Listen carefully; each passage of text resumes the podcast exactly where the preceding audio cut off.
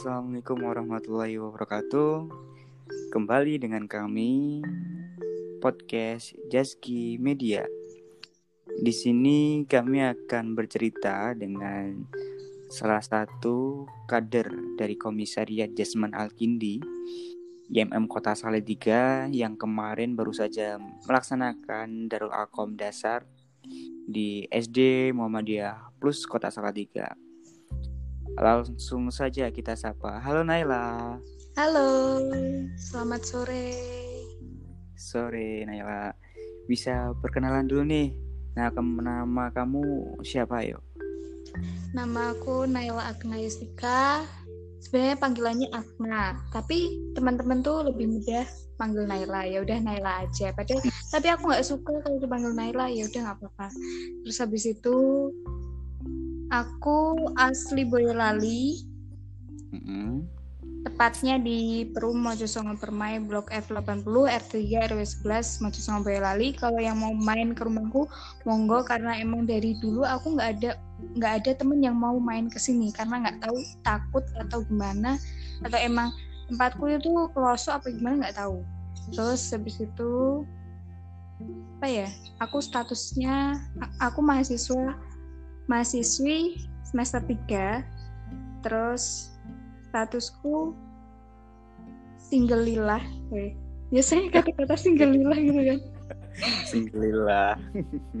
Terus aku uh, aku cuman kegiatannya serabutan aktivis sih. Belum yang kayak teman-teman uh, cari kerja lah kayak gitu kan. Uh, banget gitu ya nilai plus banget. Kalau aku masih aktivis biasa luntang-luntung ke sana sini asik, asik, asik. Oke, langsung saja ke pertanyaan pertama nih. Aku pengen ngulik-ngulik dari Naila. Gimana sih kok bisa tertarik ke IMM? Apa sih yang membuat Naila kemarin ikut di ADI di SD Muhammadiyah Kota Pusat 3? Aku tertarik IMM Enggak, awalnya aku nggak tertarik MM. Aku kayak orangnya bodo amat lah, uh, whatever kayak gitu. Aku cuman pengen memu apa mengembangkan diriku gitu loh. Jadi ah ekstra itu butuh nggak ya aku masuk? Aku malah pengen nih masuk intra kampus kayak gitu. Terus habis itu uh, banyak yang nawarin semester satu aku banyak di itu ditarik-tarik anak IMM mungkin karena aku dulunya pas itu PBAK itu persiapanku itu yang bantu anak IMM karena pas itu aku nggak ngerti kan nggak ngerti PMII nggak ngerti IMI sayangnya aku ya udahlah bantuan di IMM aja mau Muhammadiyah gitu. Aku mikirnya kayak gitu. Terus habis itu mungkin dari situ kayak banyak yang menawari tapi aku belum belum mau aja masuk ke IMM kayak uh, masih bingung. Aku tuh yakin nggak sih gitu sebab sebelum masuk organisasi itu harus butuh keyakinan loh. Kalau enggak itu ya berjalannya itu enggak lancar lah anak bagiku. Terus habis itu um, aku tanya-tanya ke bapakku dulu. Bapakku dulu ikut apa? HMI gitu. Terus habis itu uh, di sekitarku anak-anak anak-anak kelas eh apa? Teman-teman kelasku anak ya teman kelasku itu banyak ikut PMII terus habis itu aku kayak ya apa mencoba ke PMII aja ya? Terus habis itu aku minta saran ke temen lamaku gitu SM SMA uh, eh, gimana kalau aku masuk PMII terus habis itu kayak mereka tuh kayak soket gitu terus habis itu kayak ya gimana sih kamu tuh kan itu kan anak mama dia masa masuk PMI terus aku kayak menangkap pemikiran mereka loh apa salahnya? Kayak gitu loh nggak ada salahnya juga kayak gitu. Terus habis itu dari dari situ kan aku memikir bahwa uh, Muhammadiyah dan dan teman kita itu tuh masih sangat wah sangat bentroknya masih sangat melekat gitu loh ya. Terus habis itu akhirnya uh, itu aku di IPM kan aku tuh dari awal udah aktif di IPM karena emang uh, aku rantingnya dari SMA-nya udah ikut IPM terus aku pengen rasain coba lah gimana di daerah tuh gimana. Katanya lebih berat. Terus akhirnya pas aku ke situ emang lebih berat sih perjuangan. Perjuangannya itu uh, itu kalau di kan kalau aku itu IPM SMA itu kan di pondok ya. Lingkupnya itu cuman dikit lah lingkup kayak sekolahan gitu. Nah kalau ini tuh harus lingkup daerah di mana Seboyolali itu yang megang kami gitu loh gitu kan. Harus terjun terjun gitu kan. Akhirnya di situ aku banyak aku kenal IMM karena setiap anak IPM itu IMM gitu loh.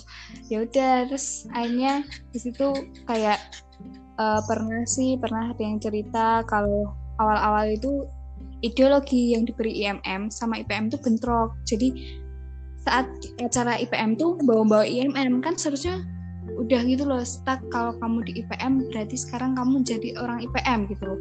Kalau kamu jadi orang IMM sekarang kamu jadi orang IMM jadi uh, sesuai kondisi kan. Terus yaitu dari situ kayak di situ banyak lah karena emang aku nggak kayak nggak dipengaruhi dipengaruhi sama mereka gitu. Ya udah terus habis itu aku jalan aja sepemikiranku. Terus aku juga pengen masuk HMI karena aku pengen banget punya leadership yang bagus karena bapakku leadershipnya juga bagus. Terus habis itu aku akhirnya pas sebenarnya aku udah hampir masuk ya di DAD yang semester 1 tapi itu ada kendala apa ya? Ada kendala prioritas. Jadi aku di IPM itu uh, sudah diberi amanah menjadi bendara satu sehingga aku itu pimpinan umum yang di mana-mana kegiatannya harus pimpinan umum tuh harus terjun untuk melihat anggotanya gimana mereka aktif atau enggak atau gimana gitu kan. Siapa aja yang enggak aktif itu kan harus ya. Terus habis itu ya udah akhirnya prioritasku itu DAD kalau mikirku DAD uh, kapan-kapan bisa lah ya kapan gitu nggak tahu. Mungkin kalau jodoh pasti aku bakal ketemu sama DAD berikutnya. Terus habis itu tapi di situ aku belum mikir aku pengen banget ke IMM tuh belum. Terus akhirnya yaudah aku prioritas IPM terus habis itu di di IPM itu aku punya temen namanya Mas Wahyu. Kayaknya uh, anak IMM, IMM pun dari Jasman Alkindi kenal banget sih Mas Wahyu nggak nggak tahu kenal banget apa enggak ya. Sotoy banget aku.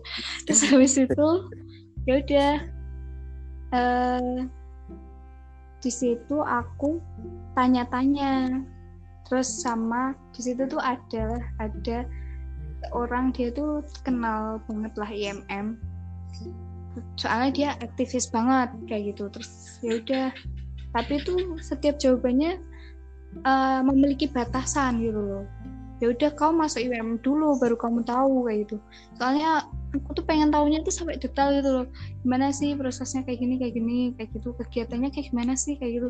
Soalnya nggak tahu. Aku tuh nggak ada rasa puas saat aku nggak tahu uh, eh, seluk beluknya nah akhirnya karena mungkin mereka greget gitu kan akhirnya kayaknya uh, tiba-tiba ada yang ngecat aku dari IMM Salatiga uh, yang ngecat pertama itu oh Mas Pras. Yang ngecat pertama itu Mas Pras. Jadi di situ Mas Pras itu apa namanya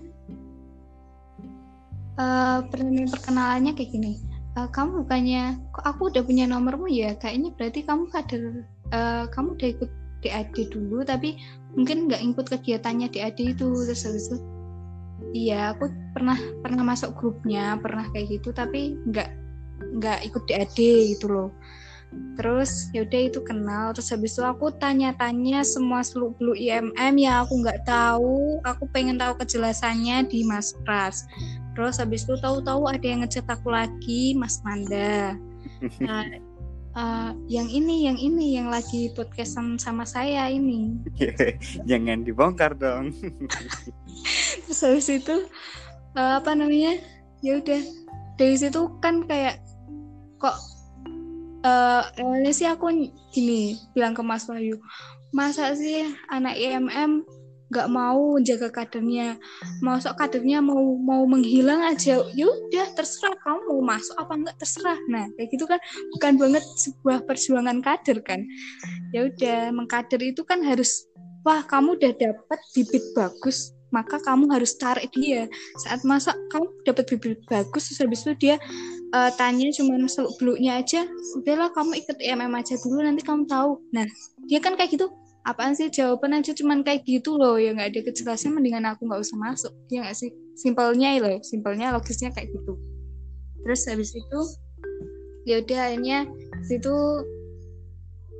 di situ aku udah mulai tertarik sama MM terus aku ya udah aku tertarik gitu tertarik karena emang daerahku itu anak IMM terus habis itu salah satunya aku ingin DAD salah satunya aku ingin IMM di Solo. IMM-nya bagus banget. Itu hampir kayaknya IMM di Solo itu setiap titik kayaknya ada IMM-nya deh itu. Terus habis itu di salah tiga itu walaupun maksudnya walaupun Jasman Alkindi ini baru tapi baguslah di situ support pendukungnya kuat dari aumnya Nah, di Boyolali ini, di Boyolali kan IMM-nya ada tapi tidak terlihat ortomnya. Ortom-ortomnya dia di sini uh, ada tapi tidak terlihat gitu loh.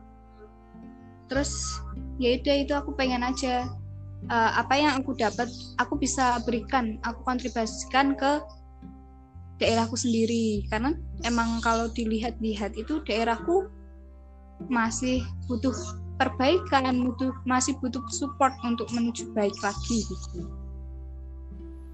Oke oke. Uh, ada sedikit pertanyaan melenceng nih. Uh, kan kemarin udah ikut di ya. Uh, hmm?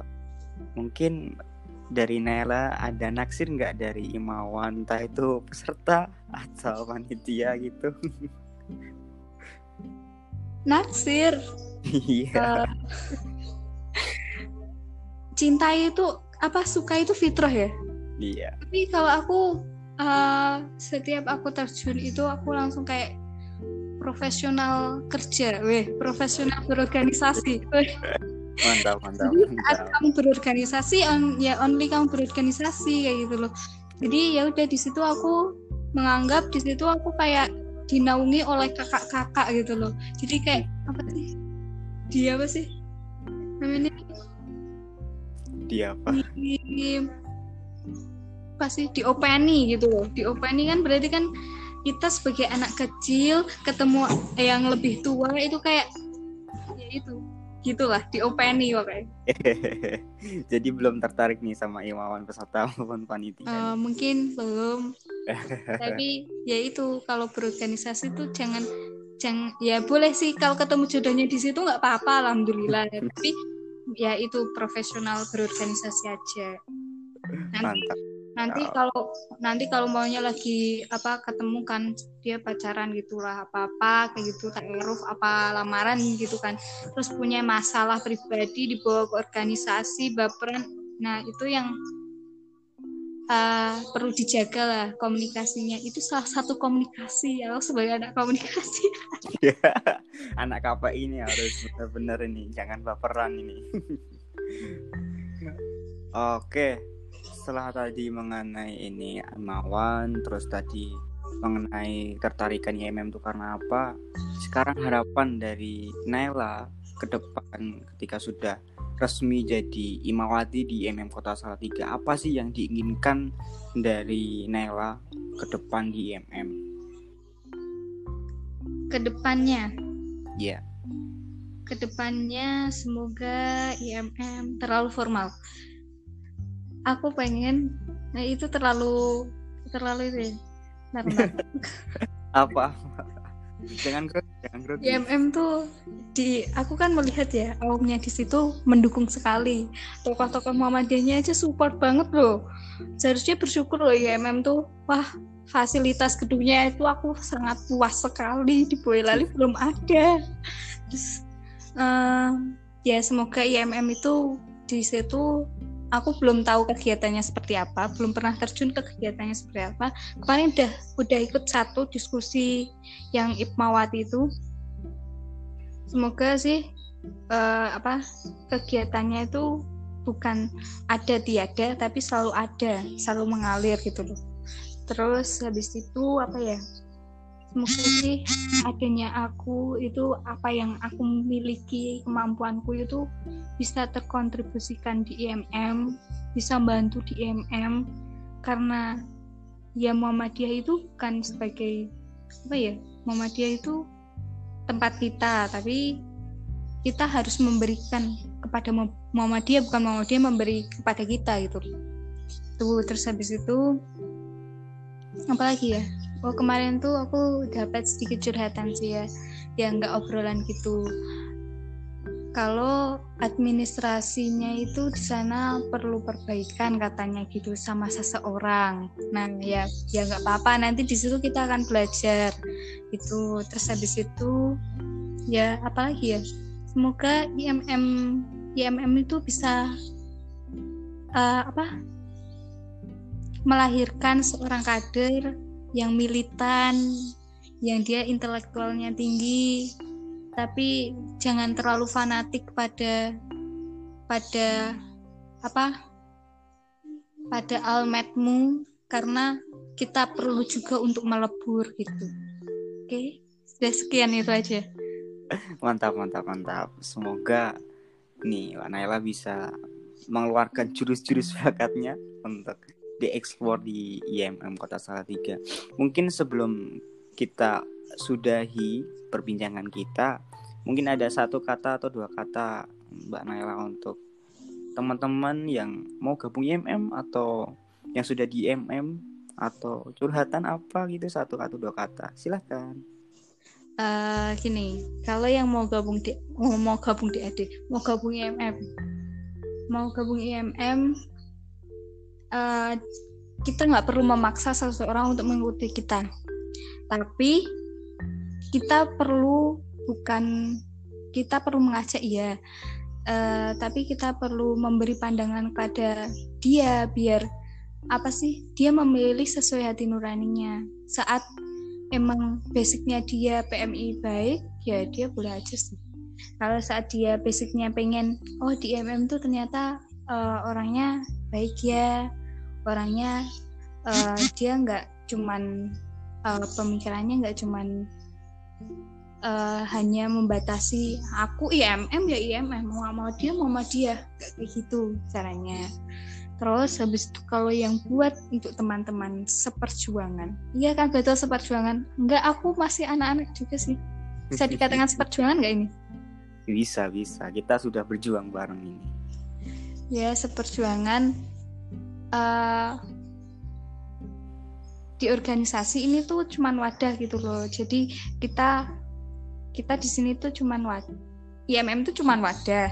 Jadi kita itu di sini memberikan kontribusi apa kemampuan kita di sini dan dikembangkan. Nah saat saat kita bisa berkontribusi aktif di dalamnya pokoknya kalau kamu udah masuk IMM itu udah sebuah amanah sih sebenarnya. Jadi kalian masuk IMM itu bukan suatu suatu apa sih? Suatu apa ya? Lupa suatu paksaan gitu. Yes suatu paksaan atau suatu kebetulan. Jadi kamu tuh Allah memberikan kepada setiap hambanya itu dengan amanah yang tepat gitu loh. Weh. Terus apalagi ya uh, semoga sih itu organisasi ini itu bukan bukan jalur itu ya jalur kayak uh, untuk kepentingan politik atau yang lainnya. Jadi ini tetap uh, tetap secara set, uh, tetap ideologis secara ideologisnya gitu. Oke mantap mantap mantap Oke, mungkin itu saja yang kita bincangkan untuk kali ini. Nanti ke depan kita berbincang lagi banyak diskusi yang akan kita lakukan di podcast ini. Terima kasih Himawati Naila yang sudah uh, berkenan untuk berbincang-bincang di podcast Jaski Media. Dan jangan lupa teman-teman dengarkan cerita kader nanti ke depannya ada beberapa kader lagi yang belum uh, sempat untuk masuk di sini nanti ke depan kita explore lagi kader-kader dari Komisioner Jasman Alkindi maupun yang lainnya. Terima kasih Mbak Nela Sampai Iya, jumpa. Sama-sama. Assalamualaikum warahmatullahi wabarakatuh.